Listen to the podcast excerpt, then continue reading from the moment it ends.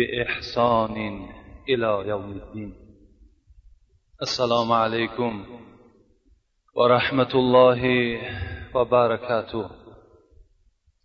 همه شما پدرهای عزیز پدرهای مهربان و برادرای خیلی گرامی و برادرای اسلامی شما را به این روز به این روزی که بهترین روز هفته هست و مکافاتش حج خداوند در نامه اعمال ما و شما می نویسد تبریک و تحنیت می گویم و همه شما را به این خانه خدا برای بندگی خوش آمدید می گویم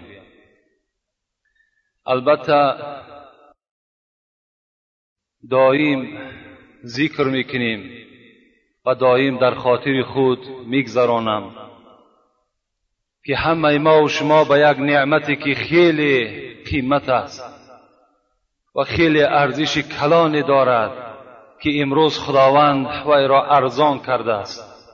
وی را برای ما و شما بیقدر ساخته است. این داخل شدن مسجد است. این مسجد چنان موضع و چنان مکانی هست که رسول اکرم گفتند جلساؤهم ملائکه. و این غاب و افتقدوهم و این مرض و عادوهم. کسی که محب مسجد است هر کسی که در پی عبادت عمارت مسجد است وی همراه خود دائم یک ملائکه مسجد همراه او کس دور میگردد. وقتی شما اگر به سفر میبرایید اگر شما مسجدی باشید محب مسجد باشید همان ملائکه مسجد همراه شماست. اگر شما بیمار در خاندان در جایگاه خواب خواب باشید این ملائک مثل رفیقای تو تو را خبر می‌گیرند خوش به حال همه ما و شما که امروز این نعمت خیلی قیمتی که یک زمان داخل شدن این مسجد برای همه ما و شما جنایت بود. امروز الحمدلله که درهاش کشاده هست. ما و شما نه یک ترس نه یک وهم نه یک مشقت نه یک مشکلات وارد این خانه خدا می‌شویم.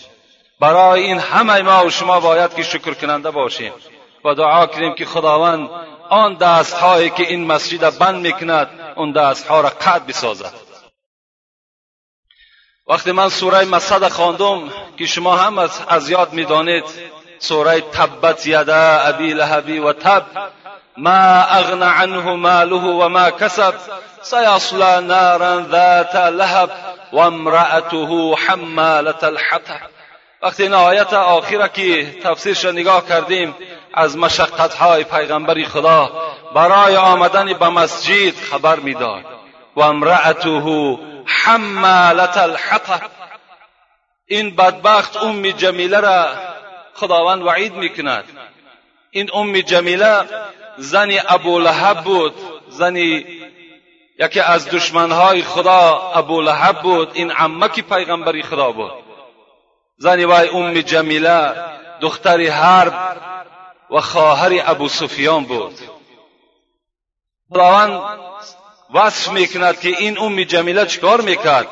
حمالت الحطب. این وقتی که روز می‌شد از پی خارچینی می‌شد. می‌رفت از ادیر خار میچیند درزه درزه خار می‌گرفت میآورد. شب که می‌شد از دروازه پیغمبری خدا سرکردگی تا نزد مسجد این خارها را تید می‌کرد میپرتافت. گاها مفسران می‌گوید نجاست این پلیدم همراه اون خارها اررش بود. میپرتافت. پیغمبر خدا که از این حال آگاه شد چندین بارها اذیت کشید. همراه اصحاب پر از خون می شدند عذابها می کشیدند خار ملغیران بود. گفتند ام جمیله تو که در پهلوی من همسایه هستی. من به تو یگان آزار نمی‌دهم. چرا اینقدر آزار را برای من روا می‌بینی؟ این دشمنی خدا خرسند می‌شد که محمد را آزار من تأثیر می‌کند. تاریخ محاربی می‌گوید در تفسیر روزی میگه در بازار نگاه کردم یک جوان آوازی بلند فریاد می‌زد. کسی بگوید که لا اله الا الله محمد و رسول الله در نزد خدا نجات مییابد. و از پسی او نگاه کردم یک مردی را که یک سنگ در دست داشت گاه در پشت این جوان می‌زد گاه در پای این جوان می‌زد. این بازار بازار ظلمجاز بود میگه در مکه مکرمه. وقتی من پرسان کردم حیرت دماندم این جوان کیست و این مرد کی باشد؟ گفتند این جوانی که می‌بینیم مردم را دعوتی به لا اله الا الله محمد رسول الله کرده ایستاده است. این محمد است صلی الله علیه و سلم و این جو این مردی که از پس او می‌زند و پشت مبارک اینو پایهای این خنالود کرده است. این ابو لهب است این شوهر ام جمیله است. شوهر جدا آزار می‌داد زن جدا آزار می‌داد. وقتی خداوند آیت وعید روان کرد سیصلا نارا سیصلا نارا ذات الهب زود است ای محمد غمگین نشو این ابو لهب همراه ام جمیله همراه زنی خودش وارد دوزخ میگردد. ام جمیله میگه در دست یک سنگ گرفت خانه کعبه آمد. اونجا رسول اکرم نشسته بود. در پهلوی ابوبکر صدیق نشسته بود. سنگ را گرفت آمد. آمد ابوبکر را دید. گو ابوبکر این رفیقی تو در کجاست؟ مرا حجب می‌کند مرا مسخره می‌کند. می‌گوید که من همراه شوهر خود وارد دوزخ میشم. اگر محمد را بیابم این سنگ در فرق سر او زده می‌شود. مفسران می‌گوید این معجزه پیغمبر بود در پهلوی ابوبکر نشسته بود لکن خدا چشمان ام جمیله را کور کرده بود. نمی‌دید. ابوبکر گفت ام جمیله در پهلوی من کی نشسته است؟ این ام جمیله گفت چی مرا مسخره می‌کنی مثل دوستت؟ در پهلوی تو کسی نیست.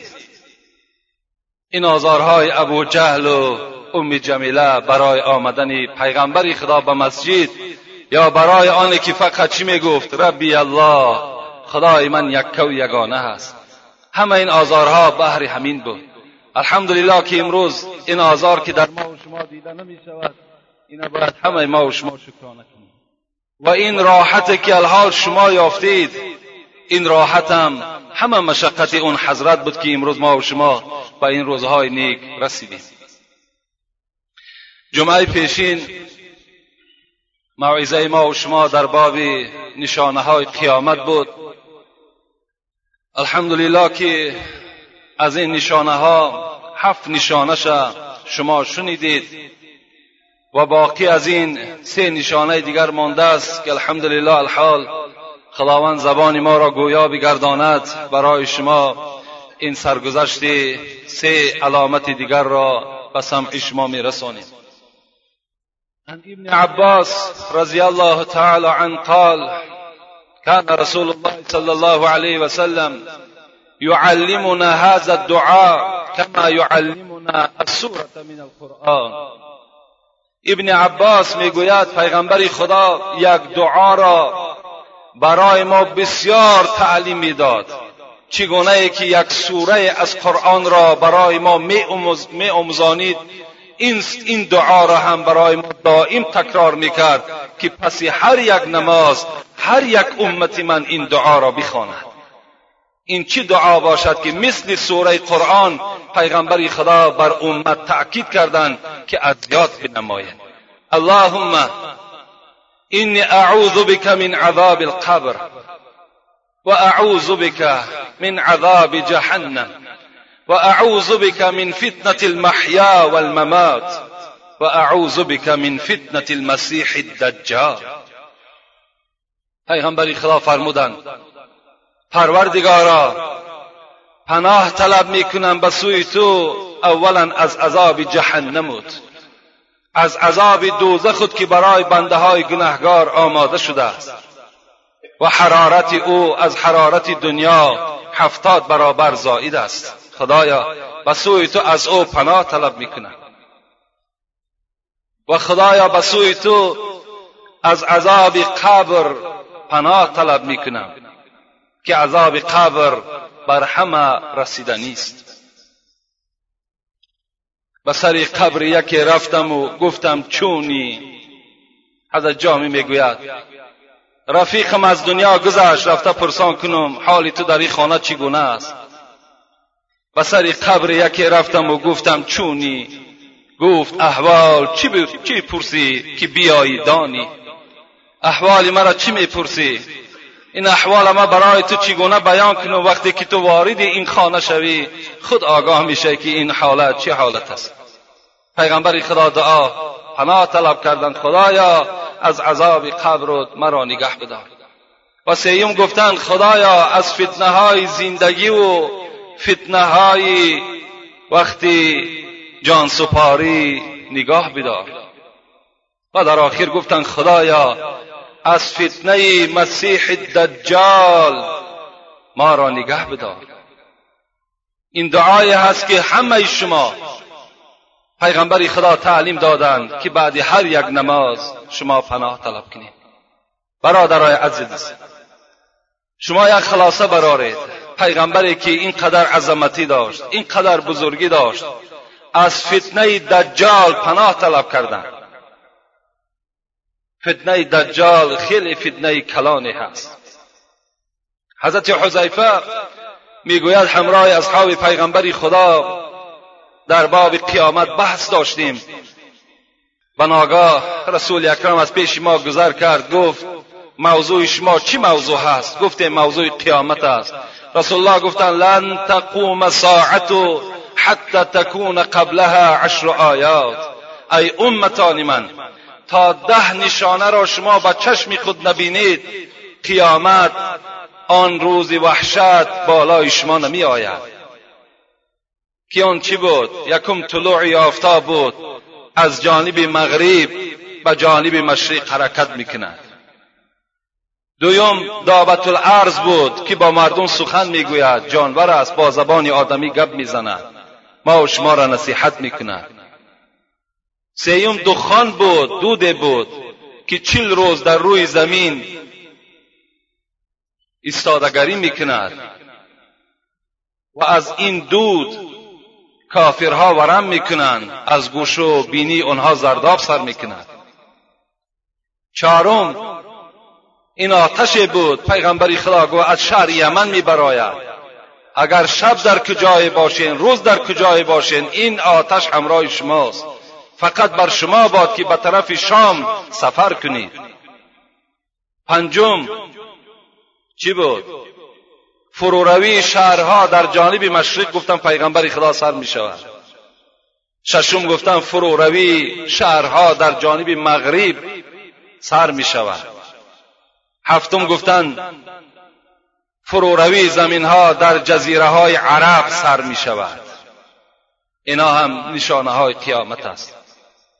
هشتم پیغمبر خدا گفتن دجال می براید نهم گفتن حضرت عیسی پایان می شود دهم گفتن یعجوج و معجوج می براید در اطراف این سه موضوع الله با شما صحبت می‌کنیم.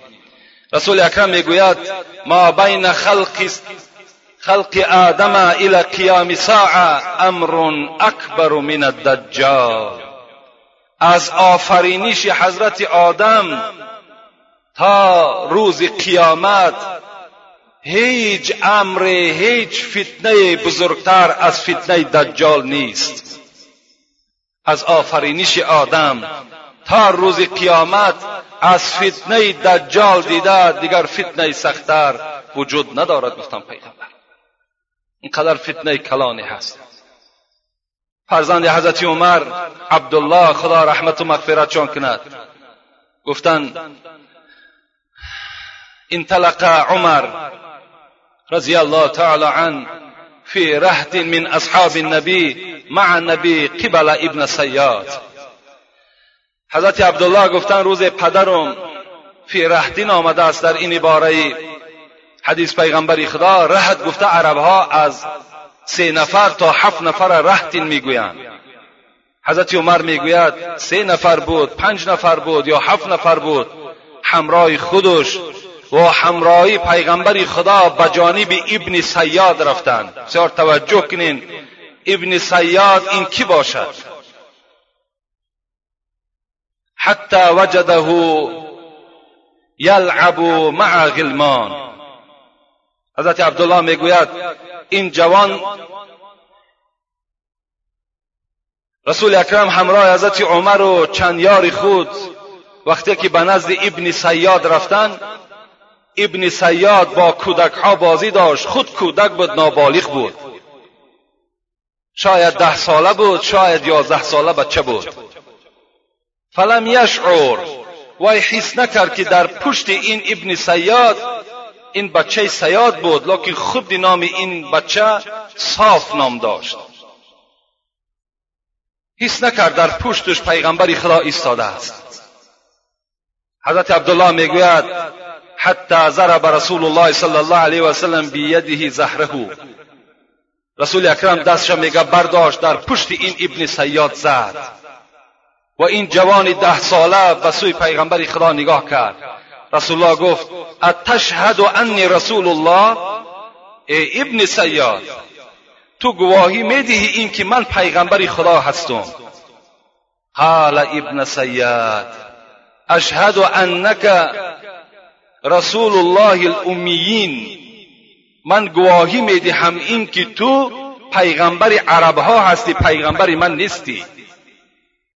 اتشهد انک انی رسول الله؟ ابن سیاد میگد به جانب پیغمبر گشته گفت آیا ای محمد تو گواهی می‌دهی که من پیغمبر هستم؟ رسول اکرم گفتند آمنت بالله و رسولی. من ایمانی بر خدا دارم و ایمانی به پیغمبرهای خدا دارم. رسول الله گفتند ابن سیاد آیا برایت یگان خبرهای از غیب میآید ابن سیاد گفتند بله گفتند خبرهای میآید. بعضیشان حق هستند بعضیشان ناحق هستند رسول الله گفتند حق را با ناحق آمیخته می‌کنی؟ آیا حق را از ناحق جدا کرده می‌تونی؟ این بحث بین محمد است و بین ابن سیاد ده ساله بچه است. و رسول اکرم برای امتحان که از غیب درک دارد یا نه به طرف ابن سیاد گفت الحال من در خاطر خود یک آیت یک سوره را میگذرانم. خبر ده کدام سوره را من میگذرانم؟ رسول اکرم در خاطر خود گذرانید اعوذ بالله من الشیطان الرجیم فرتقب یوم تأتی السماء بدخان مبین. این آیت را گذرانید که این سوره از دخان بود. این ابن سیاد و جانب پیغمبر نگاه کردند. گفت فکر می‌کنم که تو از سوره دخ چیزی خواندی. رسول اکرم گفتند تو کلمه را پره تکرار نمی‌کنی. این سوره سوره دخان است دخ نیست گفت. تو کلمه ها را ناقص می‌کنی مثل کاهین و مثل ساهیر. تو از کاهین و ساهیر دیده گفت دیگر چیزی نیستی تو. و رسول اکرم به جانب او نگاه می‌کرد. عمر چی گفتند ایزن لی فیه اضرب عنقه. پیغمبری خدا اجازت نمی‌دهی که این جوان را الحال به کارد خود گردن وی جدا کنم رسول اکرم چی گفتند یکنه فلا تسلط علیه. عمر گفتند اگر همین دجال باشد تو وی کشته نمیتانی و این لم یکنه اگر این دجال نباشد. فلا خیر لک فی قتله بس هیچ فایده نیست به کشتن این ساحر. حضرت قرطبی می‌گوید تفسیر قرطبی خیلی تفسیری با قوتی هست. می‌گوید انمین ابن سیاد دجال است. انمین کودکی که با پیغمبر خدا بحث کردند و گفتند گواهی بده این که من پیغمبر هستم همین گفت دجال است. دجال الحال در مکان از مکانها وجود دارد. وجود دارد. در کجاست؟ این خدا می‌داند. عبیه ابن کعب می‌گوید که راوی این حدیث هم عبدالله ابن عمر است. می‌گوید روز با پیغمبر خدا به باغ از باغهای خرما رفتیم. و همین ابن سیاد همین صاف در بالای بخمل خواب بود میگد و رسول اکرم میگه از جانب سری وی رفته در پس یک خرمای پنهان شدند. خواستند آن چیزی که وی می‌گوید گوش اندازند چی می‌گوید تا که از حال ابن سیاد آگاه شود. لکن میگن مادر انصاف پیغمبر خدا را که دید در پسی خرما پنهان شد فرزند خدا فیراد کرد صاف به نزد من بیا. رسول الله می‌گوید اگر مادرش فیراد نمی‌زد هر آینه ما میفهمیدیم که ابن سیاد آیا دجال است یا دجال نیست. صحابه پیغمبر خدا می‌گویند روز پیغمبر خدا بالای منبر برآمدند بالای منبر برآمدند و چنان یک تصویر از آمدن دجال کردن چنان یک خوب بیان کردن حتی که ما ترسیدیم از مسجد بیرون شویم. فکر کردیم که در بیرون مسجد دجال منتظر ماست. البته پیغمبر خدا چنان فصاحتی داشتند یک گب را می‌گوید در حدیثات تا دو بار سه بار تکرار می‌کرد تا که انسان فهم کند بفهمد. چند روز از بین میگذشت. صحابه ها غمگین بودند. پیغمبر خدا از آنها پرسید چرا غمگین هستین؟ از چه حالت؟ گفتند پیغمبر خدا از روزی که دجال را برای ما خبر دادی آمدن او را برای ما آگاه کردی عملهای او را ما فهمیدیم. یک وهم بر بالای ما آمدگی هست که حتی گمان می‌کنیم یا این ساعت یا ساعتی دیگر دجال بالای ما حجوم می‌کنه رسول اکرم گفتن ای اصحاب من تا زمانی که من در بین شما هستم شما از دجال نترسید. زیرا اگر دجال این لحظه ها برایت این بدبخت من با او مقابله می‌کنم. باید من شکست می‌دهم. لیکن رسول اکرم چی گفتند این مما اخاف علیکم من بعدی من زهرت دنیا و زینتها. لکن از دجال دیده ای امت من من بر شما از این لذت دنیا میترسم.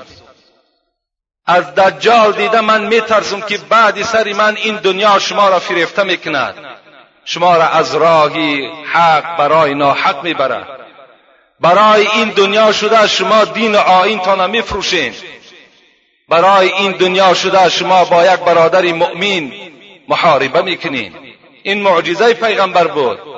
وقتی رسول اکرم از دنیا گذشتن فتنه ها سر شد. جنگ ها بین مسلمان ها شروع شد. صدها هزار صحابه های پیغمبر بین مسلمان ها بین یکدیگر کشته می شدن رسول اکرم گفتن از این من می ترسم از شما. از دجال دیده از محبت دنیا بر شما می ترسم امروز محبت دنیا بر بسیاری بندگانش. حمله خود کرد کاری خود کرد این محبت دنیاست که امروز برادرای ما و شما در پهلوی ما و شما ایستاده نماز جمعه نمی‌خوانند این محبت دنیاست که امروز معرکه های ما و شما از معرکه های مشرک و از معرکه کافر هیچ فرقی ندارد. این محبت دنیاست. غیر الدجال اخفف علیکم من الدجال الائمه المذلین. ای امتی من از دجال دیده من گفت از دیگر دجال ها می ترسم این کلام دجال هاست پیشواهایی که مردم گمراه می‌کنند از اونها می ترسم زمانی می که این محراب که جای محاربه است. محراب نامش جای حرب است. باید که عالم باید داملا با شیطان در اینجا محاربه کند. لکن همون عالم از شیطان هیچ کمی ندارد. خود شیطان شده است. خود مردم به سوی مردود و به سوی فسق و فساد می‌برد رسول الله گفتن از اینها من میترسم. از دجال دیده دجال. رسول اکرم بیان کردند ظهور می‌کند. از بین عراق و از بین دولت شام. امروز دولت شام دولت سوریه هست سیریه میگه ما شما. از بین همین دولت شام و از بین دولت عراق این دجال میبراید. رسول الله گفتند وقتی که این دجال این فساد کننده عالم میبراید خیلی جوانی تنومنده هست. و موی سر او جنگیله هست دعوا می‌کند می‌گوید من خدای یکه و یگانه هستم. و انه اعور. پیغمبر خدا گفتند ای امتان من تمام شکل و های دجال را برای شما چنان معین و چنان خبر می‌دهم که هیچ پیغمبری مثل من بر شما خبر دادگی نیست. وقتی وی میبراید جوان تنومند مویهای سر جنگله و پس سر او با روایت مسلم هم میآید که بسته شده است. مثل بعضی از همون مویهایی که از پس سر کاکل می‌کنند بسته شده است. و وی دعوا می‌کند خداست. وی خدا نیست. انه اعور. وی کور است. یک چشمی راستش کور است. و ان الله لیس باعور پیغمبر می‌گوید. حالا که خدای شما کور نیست. این کور است. مکتوب بین عینی کافر. پیغمبری خدا گفتن بین دو چشمش با حرف های کلانه که خواه با سواد باشین خواه بی سواد باشین نویسانده شده است. همین مرد کافر است. بر روایت دیگر می آید که سه حرف نویسانده شده است. کاف ف ر خودش کافر می دهد تا که شما بشناسین این همان دجال است. دنیا را فساد می کند هر محله که داخل می شود زنهای اونها را تجاوز می کند فرزندهای اونها را گمراه می کند و به سوی خود دعوت می کند اونها در حال قبول می کنند گفت پیغمبر. برای چی؟ برای که در پهلوی راستش میگه جنت دارد. در پهلوی چپش میگه دوزخ دارد. مثل که شما امروز آینه نیلگون نظر می‌کنین تمام صورتها را می‌بینین در پهلوی وی میگه آشکارا شما همون باغهاش و در این طرف عذاب آتش می‌بینید. کسی که ایمان نمی آرد در دوزخش می پرتاید. کسی که ایمان می آرد و در جنتش می پرتاید. پیغمبری خدا گفتند شما همان دوزخش اختیار کنید و جنت است. شما همون دوزخش اختیار کنید وای جنت است. جنت چه اختیار نکنید که وای دوزخ است. اگر شما بخواهید گفت امت من از این مکر و اصلا دجال گفته چی را می‌گویند؟ من برای شما لغت دجال. فریبکار فریبگر مکار شیطان را دجال می‌گویند. در ما و شما دجال های زیاد برآمد. مردم از راه اسلام خدا ترسی پس گرداندن اونها هم دجالا بودند. حتی رسول اکرم گفتند لن تقوم ساعت حتی یبعث دجالون کذابون قریبا من سلاسین کلهم یزعم انه رسول الله. تا این دجال کلانی سی دجال دیگر گفت پیغمبری خدا می براید که هر کدامی او دعوا می‌کنند که ما پیغمبری خدا هستیم. حال آنکه اونها پیغمبر نیستند اونها دجال هستند دجال های زیاد ما و شما. خدا را شکر که ما و شما چندین دجال ها را زیر خاک در دوزخ سپاریدیم. باز دجال های دیگر امروز در دولت های غرب حکمرانی دارند. اینا هم دجال هستند پیغمبری خدا گفتند دوزخش اختیار کنید و جنت است. مغیره می‌گوید هیچ کس مثل من از پیغمبری خدا در باب دجال بسیار سوال نمی کرد از او پرسان کردم پیغمبری خدا می‌گویند دجال همراه خود یک کوه پر از غذا و نان دارد؟ آیا حق است؟ گو بله حق است. وای به منزله یک کوه چی دارد؟ از غذا از خوردنی ها دارد. هر قبیله و هر محله که ایمان میارد از این غذا بر اونها عطا می‌کند. مثل امروز ما و شما را یاردم ها میتن. بعضی یاردمی که خالصانه و بشردوستانه باشد میلش لکن یاردم هایی که برای برای تبلیغ دین نصرانی و دین یهودی باشد او حرام برای ما و شماست. خدایا از این ما به سوی تو پناه طلب می‌کنیم. کوی از غذا دارد. ایمان میاری مرحمت گیر. ایمان نمیاری در دوزخش قتل می‌کنن میپرتاید هر جایی که ایمان میارد میگد اون سرزمین همه سبزگار می‌شود. تمامی میوه ها میوه می اندازند دجال آسمان امر می‌کرده است ببار میباریده است. زمین را می‌گفته است برویان می شاید که با این قدر سحر اکثر مردم رجوع به سوی این دجال کند. امروز بسیاری از جوانهای ما و شما که از گفتن هم مانده شدیم یک فالبین باور می‌کند. پس دجال به این قدر بزرگی و به این قدر سیر و جاده و چل باور نمی‌کند. باور می‌کند. باور می‌کند که این همون خداست. نعوذ بالله. وقتی میگد به پیش یک ساحل میگذرد به پیش یک دریا همین دجال میگذرد چی می‌گفته است؟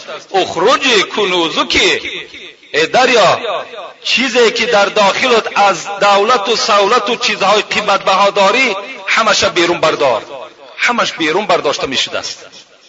از پسش میگد مثل سگی که از پسی صاحبش می‌رود مثل از پسی دجال همین تمام دولت و سولت حرکت می‌کرده است. این سحر بین این حالت ببین. مغیره می‌گوید پرسان کردم پیغمبری خدا این با این قدر سحر کلان شما گفته تمام دنیا را دور می‌زند غیر مکه و غیر مدینه. تمام درآمدگاه های مکه و مدینه از فرشته ها خداوند پاسبان میگذاشته است.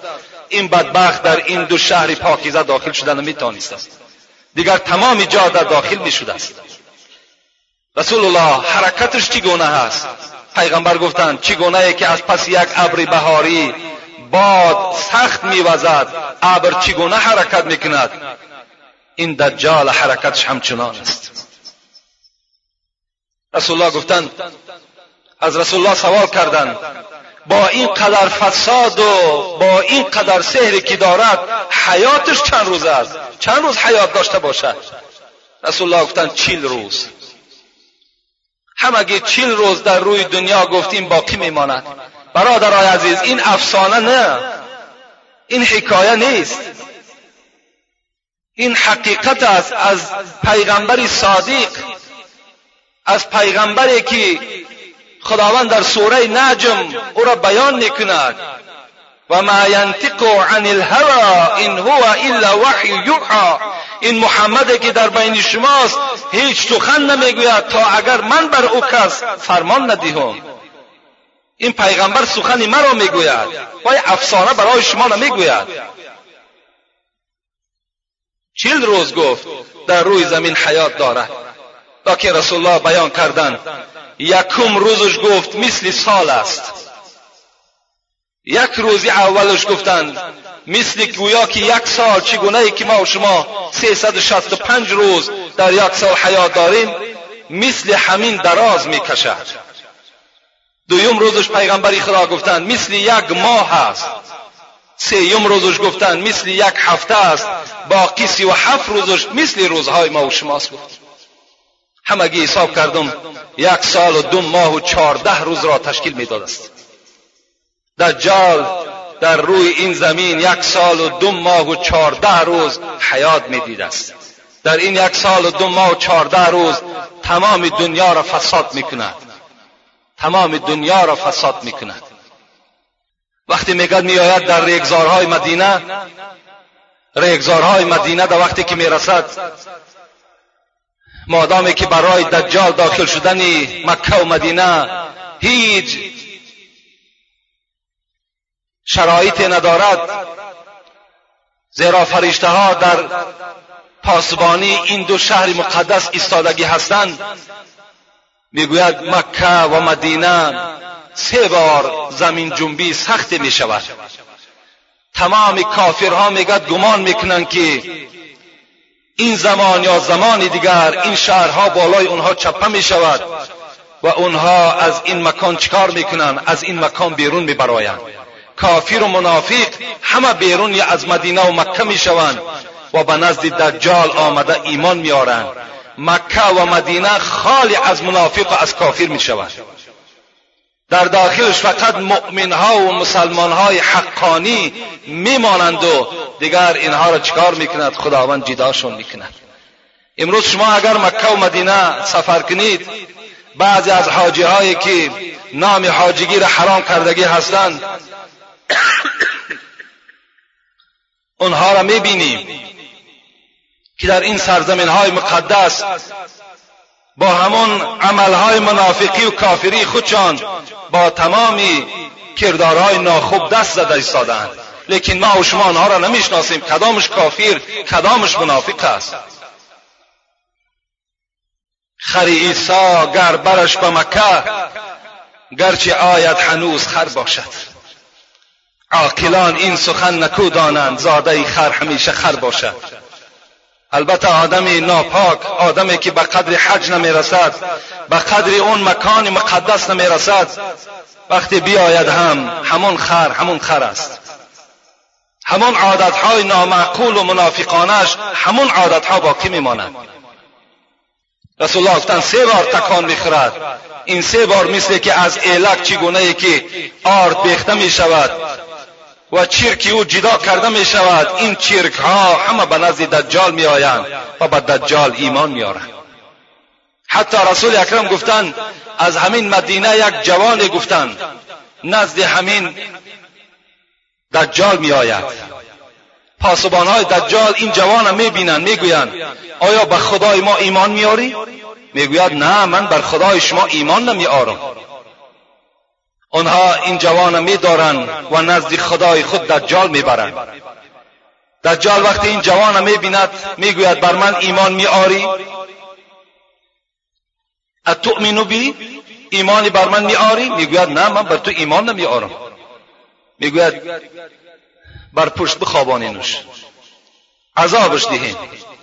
وقتی عذابش می‌دهند از جاش میخیزانند. ایمان میآری بر من که من خدا هستم؟ این جوان می‌گوید نه من ایمان نمیآرم بر تو. تو دجال هستی. وقتی این سخن دجال میشنود به جانب همان کسانی که در اطرافش جمع شدن ایمان آوردن می‌گوید اگر این جوان را الحال من دو پاره کنم و باز این را یک جا کنم آیا شما را باوریتان به خدا بدن من زیاد می شود میگم بله زیاد می شود جوان به پشت می خوابانند رسول اکرم حکایت دارد. و از تاری سرش میگه دجال تا پایانی پا دو پاره می‌کنه و باز فرمان می‌دهد. قم خیز از جات. میگه این دو بریده شده یک جا می‌شود این جوان از جای خود میخیزد. این سحر بینین.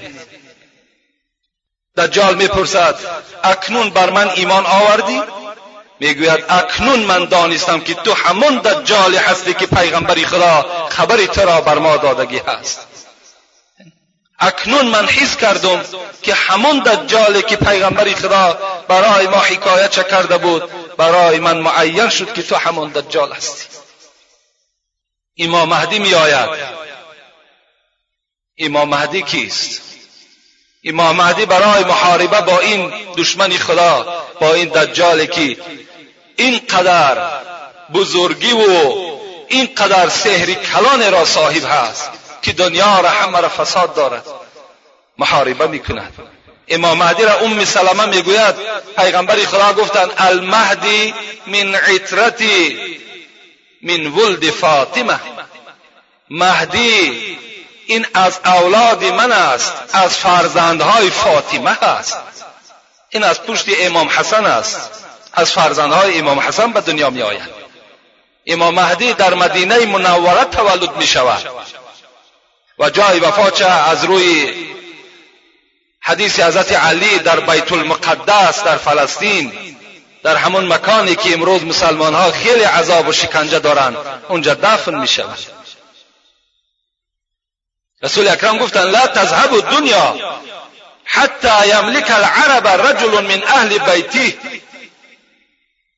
یواطئ اسمه اسمی دنیا به آخر نمی‌رسد گفت پیغمبری خدا تا اگر شخص از اولاد من در دنیا پادشاه نشود که نام او به نام من مانند است.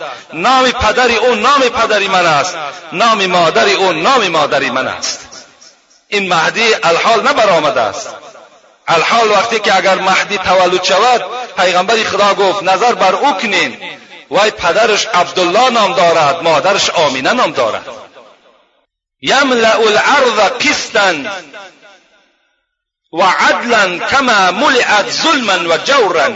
پیغمبری خدا گفتند وقتی مهدی میآید دنیا را چنان عدالت و انصاف فرا می‌گیرد چگونه که ظلم و جور فرا گرفته بود. همه را دور می‌کند عدالت جاری می‌کند. المهدی منی پیغمبری خدا حدیث های بیشمار در باب مهدی حتی به حد تواتر می‌رسد. المهدی منی اجل الجبهتی و اقن الانفی پیغمبری خدا گفتند مهدی گفتند پیشانش خیلی مثل پیشانه من پهن هست. و بالای بینی امام مهدی بلند هست گفت مثل بینی من. این حضرت با دجال محاربه می‌کند لکن قوت امام مهدی به دجال نمی‌رسد. در دمشق است میگد در همین سوریه هست. نماز بامداد می‌خواهد که شروع کند. این زمان میگد از جانب شرق یک روشنی را می‌بیند که در شانه دو فرشته دستهای عیسی گذاشته شده و پایان دمشق شده ایستاده است رسول اکرم حکایت کردند در حالت محراب دا می‌خواهد که نماز اقتدا کند. می‌بیند که از آسمان مثل که یک اسکری که پرتافته می شود با پرشوت های خود حضرت عیسی میگد دستهاش در شانه دو فرشته و همچنان میگد پایان به زمین می شود برای یاردم امام مهدی می آید حضرت می‌گوید وقتی که می فراید مثل که نو از حمام برآمده باشد چهرههاش پر آب عرق است. وقتی خم می شود میگد این عرق ها می چکد. چکره چکره به زمین می غلطد. وقتی حضرت عیسی راست می شود این چکره های عرق میگه در تار سرش مثل همین ستاره ها درخشان است. امام مهدی میگه طلب می‌کند عیسی مرحمت نماز خلق. خوانده شود می‌گوید نه این نماز نماز توست. حضرت عیسی به حیث یک امت پیغمبر میفراید. به حیث پیغمبر نه. به حیث یک امت پیغمبر. مثل ما و شما امت به زمین میفراید. این نصرانی که امروز می‌گویند عیسی را قتل کردیم. خداوند در سوره کهف به ما و شما می‌گوید اعوذ بالله من الشیطان الرجیم. و ما قتلوه و ما صلبوه ولكن شبه لهم خدا می‌گوید این عیسی که مردم نصرانی می‌گوید ما او را قتل کردیم و او را چارمیخ کردیم بدار کشیدیم. این همان عیسی نیست خدا می‌گوید. بر رفعه الله الی بلکه عیسی را من نزد خدا آوردم خدا در سوره کهف به ما و شما خبر می‌دهد این دعوا امروز اینها باطل است. وقتی که میگد حضرت عیسی یکی از قومهای خودش یهودی بود نامش مفسرهایی را بیان کردگی هستند. نامش یهودی بود میگد مکر کرد فریب کرد عیسی را به یک خانه آورد با همراهی دوازده نفر از قومش. در همون خانه آنها را جا کرد و رفت مردم یهود خبر داد که عیسی در فلان خانه یک جایه نشستهاند این حکایه قرآنی است. مرحمت رفته و یک قتل کنید. آنها میگه وقتی که برای قتل حضرت عیسی می آیند به همون خانه که حضرت عیسی در همون داخل است. و مکرو خدا را بینین در سوره آل, آل عمران است. و مکرو و مکر الله والله خیر الماکرین این مکر کرد میگد این یهودی مکر کرد آورد عیسی را در این خانه داخل کرد بر او کس خبر نداد بر عیسی که الحال در اطراف خانه مردم بسیار احاطه کردند و تو را نیت قتل دارند بلکه وی را به دیگر راهها به این خانه آورد تا که در عذاب اینها گرفتارش کند این مکر کرد خدا می‌گوید مکر کرد من هم مکر کردم. لیکن من بهترین مکر کننده هستم خداوند میگه همون یهودی که مکر کرده آورده بود وقتی در خانه می درآید خداوند می‌گوید صورت همون عیسی را در صورت همین یهودی میپرتاید. و عیسی را نزد خودش میبردارد. وقتی بیرون میبراید مردم یهودی می‌بینند که در چهره وی صورت عیسی است همون به قتل میرسانند شما مکر کردین خدا می‌گوید من بهترین مکر کننده ها هستم. راه بد مرو که بد افتی چاه در راه مکن که خود افتی. خداوند عیسی را برداشته به آسمان برده بود. همون زمانی که دجال می براید برای یاردم عیسی چکار می‌کند؟ برای یاردم حضرت مهدی این عیسی را پایان می‌کند. خلاص نماز را می‌خوانند. و حضرت عیسی چنان معجزه داشتند که نفسش مثل همان گازهایی که آدم را در حال نابود می‌کند مثل همون است می‌گوید. نفسی او را وقتی که بعد مشام کافر می‌رسد همون زمان به حلاکت می‌رسد. حضرت عیسی وقتی بیرون از همون مسجد که در احاطه دجال است همون دمشق میگن همون امام مهدی را در همون صورتی که حضرت عیسی فرامده بود اون زمان میگه در احاطه دجال بود. دجال می‌خواست که این مهدی را همراه قومش نابود کند وقتی حضرت عیسی که میبراید بیرون چشم مبارکش به هر یک کافر می‌رسد نفس مبارکش به هر یک کافر که می‌رسد همون زمان حلاک می‌شود. وقتی دجال میگد این معامله را می‌بیند حس می‌کند این عیساست و از اونجا میگد پای گریز می‌کند. میگریزد. میگریزد. میآید.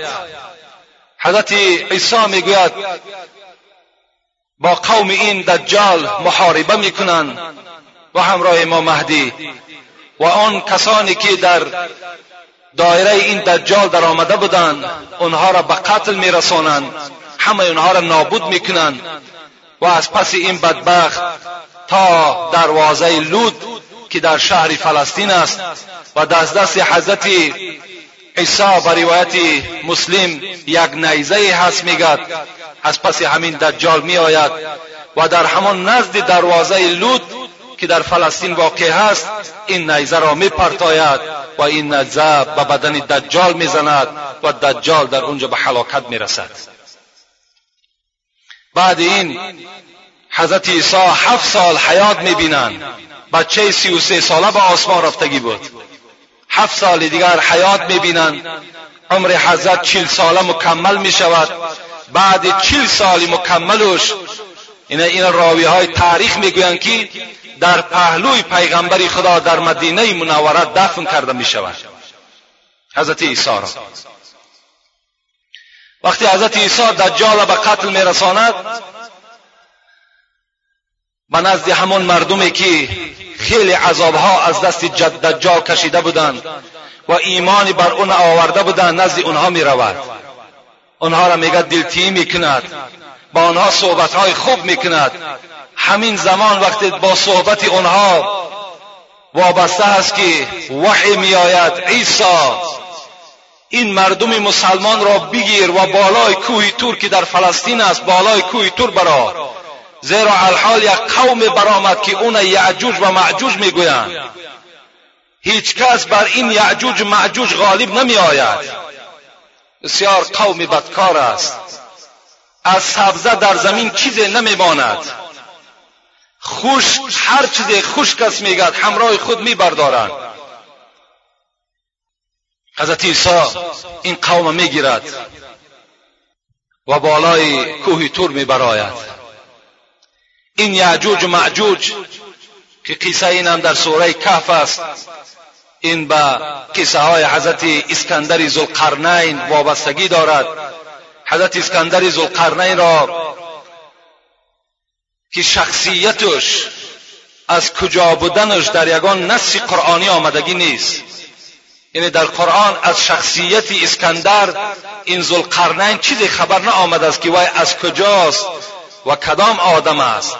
لکن صاحب تفسیر انوار القرآن می‌گوید این همان اسکندر مکدانی است که دنیا را تسخیر کردند. لکن این قوم میگد اشکال برای ما آورد. زیرا اسکندر مکدانی کافر بود و شاگرد ارسطو بود. شاگرد افلاتون یا اریستاتل بود. اون کافر بود. می‌گویند نه این یک لقم اسکندر رومی گذشتگی بود. این لقم ذوالقرنین از همان در این شخص ماندگی است بعضی ها میگن نه میگن یک پادشاه مسلمانی بود. لقبش به همین اسکندر ذوالقرنین آمده رسید. تفسیر کابلی می‌گوید مادامی که از مشرق به مغرب که این اسکندر سیر که کردگی بود از این خاطر وی ذوالقرنین می‌گویند. از این خاطر وی را ذوالقرنین می‌گویند. لکن بعضی مفسرها بر اینند بر چی هستند؟ می‌گویند که تفسیر الاساس می‌گوید این اسکندر همان کروش کبیر است که در عصر شش پیش از میلاد الحال دو هزار و چهارم است. دو هزار و چهارم از میلاد حضرت عیسی تا این جانب. پیش از این در عصر ششش این اسکندر میگد کروش کبیر است. زیرا میگد ما یک تیمسال یا یک هیکل در ایران یافتیم که دو شاخ داشت و دو پر داشت. این ذوالقرنین گفته شخصی را می‌گویند که صاحب دو قرن صاحب دو شاخ است. این همان کروش کبیر است. یعنی در این مفسرا هر خیل اختلاف های زیاد آوردن. لکن شخصیتش برای شما باز خبر می‌دهم. در قرآن چیزی گفته نشده است. ما باید که یعنی هرچی مفسرها هم گفتند ما با این اسکندر ایمان داریم. این قصه قرآنی است. باید که ما فقط عبرت گیریم. فقط اینش هم مفسرها هم گفتند که این از قوم حضرت ابراهیم است که با دعای حضرت ابراهیم با این نتیجه که از غرب تا مشرق همه را سیاحت کردند و همه را گشتند این از دعای حضرت ابراهیم بر اون نصیب شد. وقتی همین در یک موضع رسیدند که اون موضع را الحال مفسرها می‌گویند همین کوههای بلند کوکز است. یا بعضی ها می‌گویند نه بین ارمنستان و بین آذربایجان است. بعضی ها می‌گویند نه بین تیرمیز و بین هند است. علال خصوص هر گونه مفسرها بیان کردند. این حضرت وقتی که در اونجا می‌رسد حضرت اسکندر یک قوم مسلمانی می‌گوید یک ترجمانی دارند. میآید با حضرت ذوالقرنین صحبت می‌کنند که از جانب همین دره به ما یک قومی هست که آزار زیاد می‌دهد. چی خوب می‌شود که همین بین شما دیوال کنید یعنی در دو طرف میگد کوههای خیلی بلنده بود که این یعجوج و معجوج به اونجا برآمده نمی‌تونید. و بین او را من خلاص برای شما گپ می‌زنم بین او را میگد حضرت اسکندر با آهنبندی چکار می‌کند؟ با آهنبندی دیوال می‌کند که این دیوال حتی در عصر پانزه هم صاحب تفسیر انوار قرآن می‌گوید این یک کشفیات پیدا کرد که باب الحدید نامش گذاشتند این در پس دریای امو دریا هست. ای خداوند داناست در کجایی که نباشد. قصه قرآنی است. ما به این ایمان داریم. و روز می شود که این یعجوج و معجوج از پس این دیوالی که حضرت اسکندر کردند آنها بیرون می شود. و همان روز وقتی که بیرون می شدهاند ما قصه را تا اینجا آوردیم. یعنی تمام زمین فساد می‌کنن همه را می‌خرن همه را نابود می‌کنن حتی رسول اکرم گفتن یک کله گساله صد تنگه طلا قدر پیدا می‌کند. هیچ چیز در اینجا نمیماند. حضرت عیسی غمگین می‌شود می‌گوید خدایا می‌گوید این قوم نابود کن. تا که از عذاب اینها ما در امان بمانیم.